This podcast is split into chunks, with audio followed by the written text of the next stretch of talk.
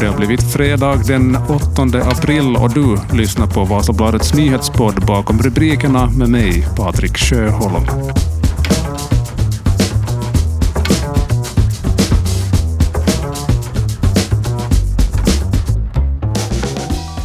Vårdarna har fått nog och en strejk som riskerar att bli både lång och omfattande har inletts. Det var nästan 30 år sedan sist, men nu har 25 000 vårdare i sex sjukvårdsdistrikt inlett en strejk som pågått i två veckor. En vecka har gått och strejken den kan utvidgas till att gälla 40 000 vårdare i 13 olika sjukvårdsdistrikt ifall man inte når en överenskommelse. Dagens avsnitt av Nyhetspodden handlar om vårdstrejken i Finland och med mig har jag Vasabladets och Österbottens Tidnings politiska reporter Sofia Westerholm.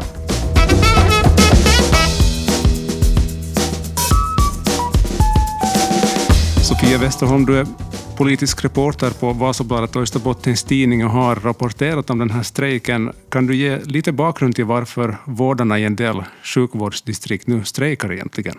Jo, tack för att jag får vara med här. Um, kort och gott, så det handlar om lönenivån. Vårdarna befinner sig i en lönegrop och man känner helt enkelt att man kräver en saftigare löneförhöjning än den som arbetsgivaren är redo att gå med på. Men det handlar också om de här arbetsförhållandena. Jag tror inte att det har gått någon förbi att, att det har pratats länge om en brist på vårdpersonal. Och vårdfacken påtalar faktiskt den här bristen redan i avtalsförhandlingarna 2007, alltså vi pratar om för 15 år sedan. Så, och nu upplever man helt enkelt att krafterna är slut. Så en kombination av lönenivån men också arbetsförhållandena. Mm. Och vårdarnas kollektivavtal löpte ut i slutet av februari och sedan dess har man då försökt enas om ett nytt avtal, resultatlöst. Man tog in riksförlikningsmannen, eh, förhandlingar har pågått i flera veckor, också det resultatlöst. Så därför strejkar nu 25 000 vårdare. Precis. Det är svåra förhandlingar. Vad skulle du säga är de centrala budskapen, dels från arbetartagarsidan och dels då också från arbetsgivarnas håll? Eh, om vi börjar med arbetarna så då har vi vårdfacken Super och Tehy som, som det här, då förhandlar för vårdpersonalens del.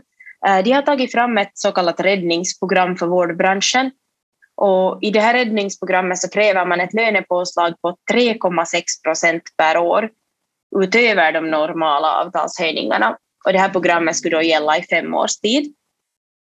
Um, och vad man då helt enkelt ville att det här räddningsprogrammet ska bli mer än svarta bokstäver på vitt papper. Och tanken bakom höjningen såklart handlar det om att få en löneförhöjning åt, åt de vårdare som jobbar just nu, men också att göra branschen mer lockande för att allting hänger ju ihop. Vi ser en brist på vårdpersonal, samtidigt ser vi att många säger upp sig, lämnar branschen helt eller åker utomlands eftersom lönenivån redan i våra grannländer är, är så pass mycket högre än, än här så lockar det mera att åka dit och jobba. Så det, det är vårdarfackernas önskemål.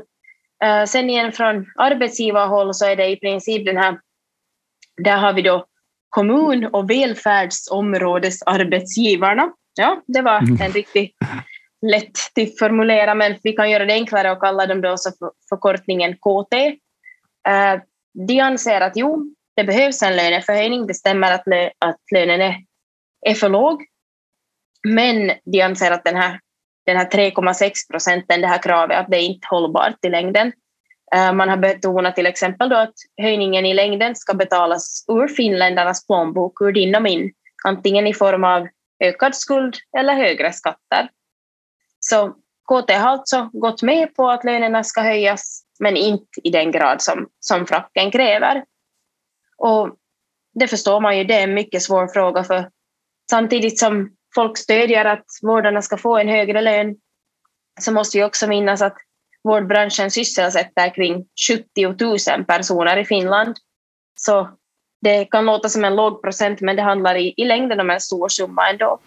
Det här är då en, en, en stor arbetarkår som också förstås har varit under hård press de senaste två, över två åren på grund av coronapandemin och nu har kommun, eller de här kollektivavtalsförhandlingarna då lett till att i, i dagsläget så strejkar 25 000 vårdare i, i, i sex olika sjukvårdsdistrikt. Hur påverkar det här tillgången till vård? Eh, det här är ju en fråga som har diskuterats en hel del eh, Det är säkert många har hört diskussionerna om patientsäkerhetslagen. Och eh, det, det är kanske det som just nu diskuteras allra mest. Sjukvårdsdistriktens håll så var man ganska snabbt och gick ut med det här budskapet att patientsäkerheten är hotad.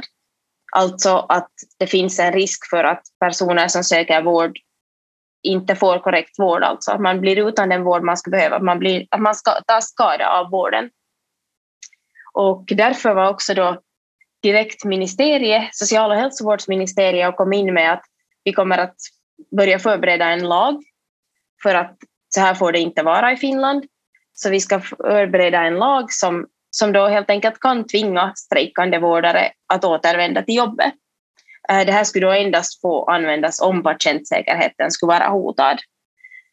Eh, så det här är sjukvårdsdistriktens budskap, men samtidigt kommer det från vårdare ett budskap om att så inte är fallet. Fackförbunden säger att det här stämmer inte, att arbetsgivare går ut med falska, falska uppgifter. Så det pågår just nu en diskussion där det kommer väldigt olika budskap.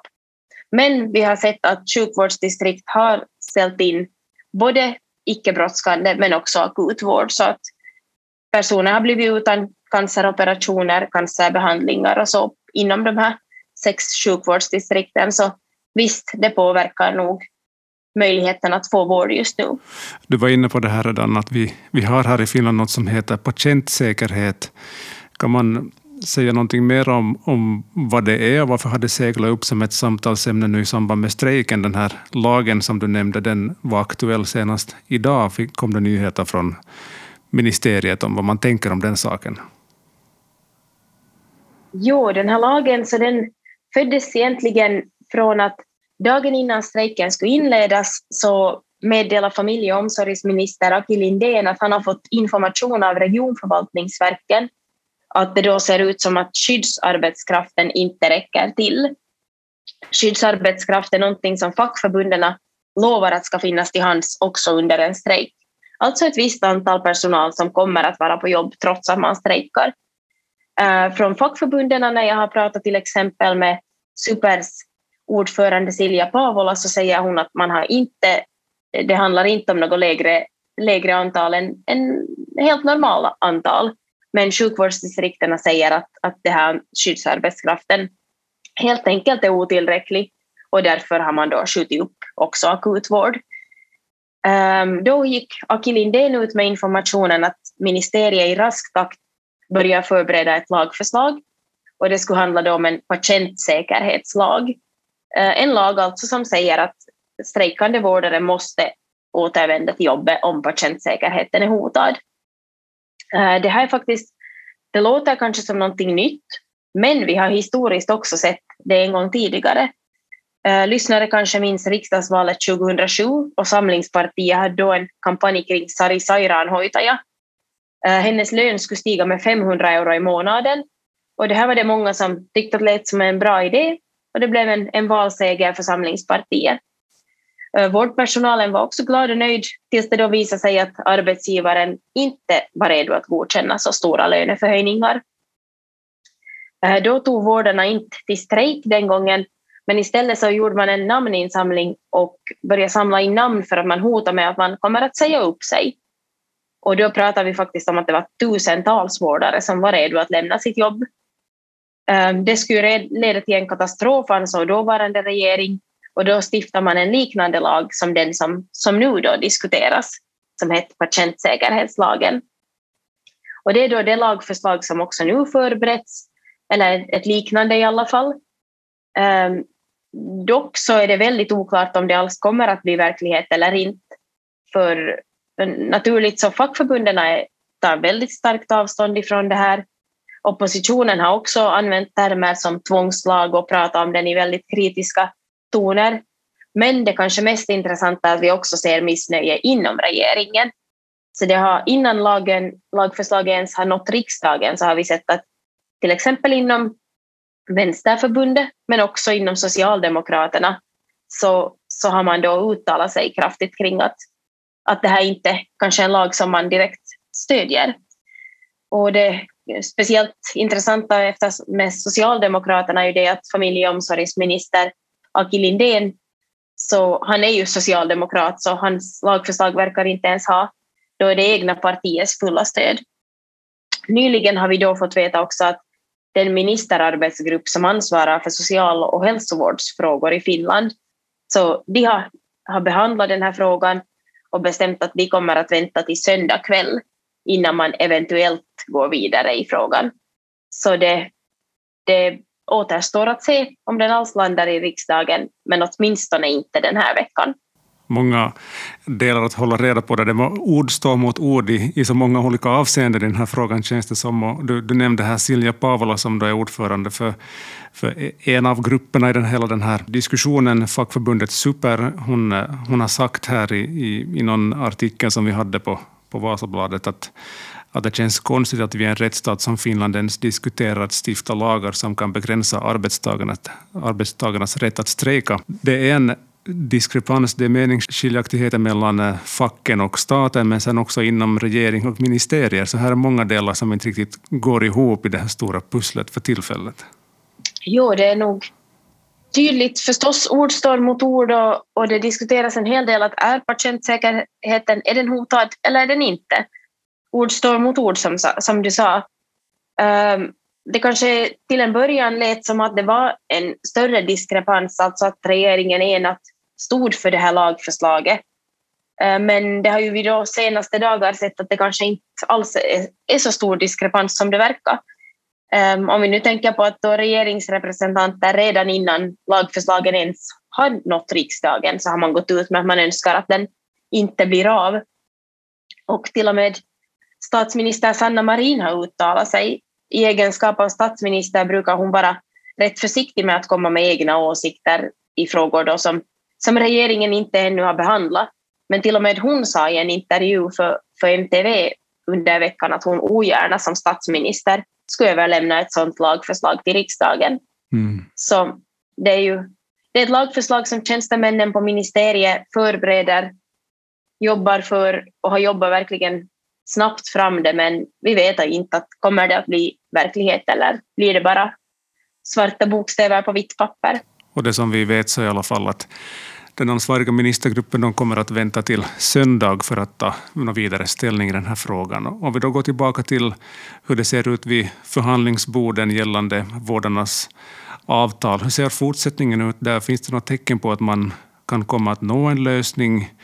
Eh, kommer strejken att utvidgas eller eh, ja, är man fortfarande väldigt långt ifrån varandra i den här frågan? Det känns som att man är nog står långt ifrån varandra. Det, eh, efter att strejken bröt ut så var det paus i förhandlingarna i nästan en vecka. Och då ska vi minnas att innan den bröt ut så har arbetsminister Tuula Haatainen skjutit upp både den pågående strejken och den som då eventuellt kommer att gälla 40 000 vårdare. Eh, enligt lagen så har arbetsministern rätt att skjuta upp en strejk i två veckor om riksförlikningsmannen då begär det för att få mera förhandlingstid. Äh, fackförbunden var väldigt miss, missnöjda kring det här att man skjuter upp strejken för att få mera förhandlingstid, men trots det förhandlar man ingenting. Mm. Så i början av den här veckan gick de ut med ett ställningstagande att om inga förhandlingar nu sker så var ju arbetsministerns agerande olagligt. Uh, några dagar senare, eller var det kanske redan följande dag, så då meddelades det att det kommer att, man kommer att fortsätta förhandla. Men om vi då tänker att på onsdags eftermiddagen så fortsatte man förhandla och efter det så skriver Tehys ordförande Milla Rika Rytkönen på Twitter att parterna efter en veckas paus då åter har mötts vid riksförlikningsmannens byrå. Uh, hennes följande mening löd Ännu lönar det sig inte att börja hålla andan inför ett nytt förlikningsförslag. Så det säger ju en hel del. Idag, torsdag då vi spelar in, så kom riksförlikningsmannens byrå då med ett förslag om att en så kallad förlikningsnämnd skulle läggas in för att försöka hitta en lösning på tvisten. Eh, det här är en möjlighet som finländsk lagstiftning ger. Den brukar användas väldigt sparsamt och det är i så fall då arbets och näringsministeriet som ska tillsätta en sån här nämnd. Men om jag igen citerar Tehys ordförande Milla Rika Rytkönen på Twitter så skriver hon vi lär med tiden få veta vem som ska sitta i den och under vilken tidsplan den ska arbeta. Det här är allt jag som Tehys huvudförhandlare fått veta.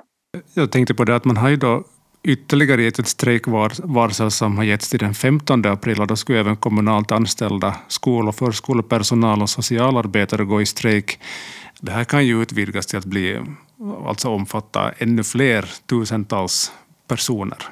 Jo, för den här arbetsgivaren, alltså KT, som vi gör det enkelt för oss att istället kalla dem, eh, de förhandlar samtidigt med alla de här andra offentligt anställda.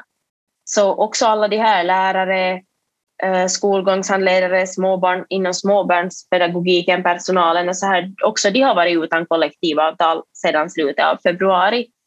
Så deras strejker har kanske inte blivit lika synliga som vårdpersonalens eftersom vården den berör oss alla och den blir så påtaglig. Men också inom de här branscherna så har man redan faktiskt genomfört flera, flera mindre strejker runt om i landet. Exempelvis pågår nu idag på torsdag, är andra dagen som eh, skolgångshandledare, skolpersonalen, småbarnspedagogiken, allting strejkar man i Åbo. Så mm. där har till exempel skolor och daghem varit stängda nu sedan onsdag. Och, eh, så att strejker har pågått där, men den största då, som är, är varslad om, så är inplanerad till att inledas efter påsk, som gäller i en hel vecka och flera städer. Samtidigt som det också då finns risk att den här vårdstrejken bryter ut den 15 i fjärde om, om vi inte har en lösning innan det. Så det mm. handlar om stora, stora grupper, många, många, många anställda. Tusen tack för det här, Sofia. Tusen tack för att jag fick vara med.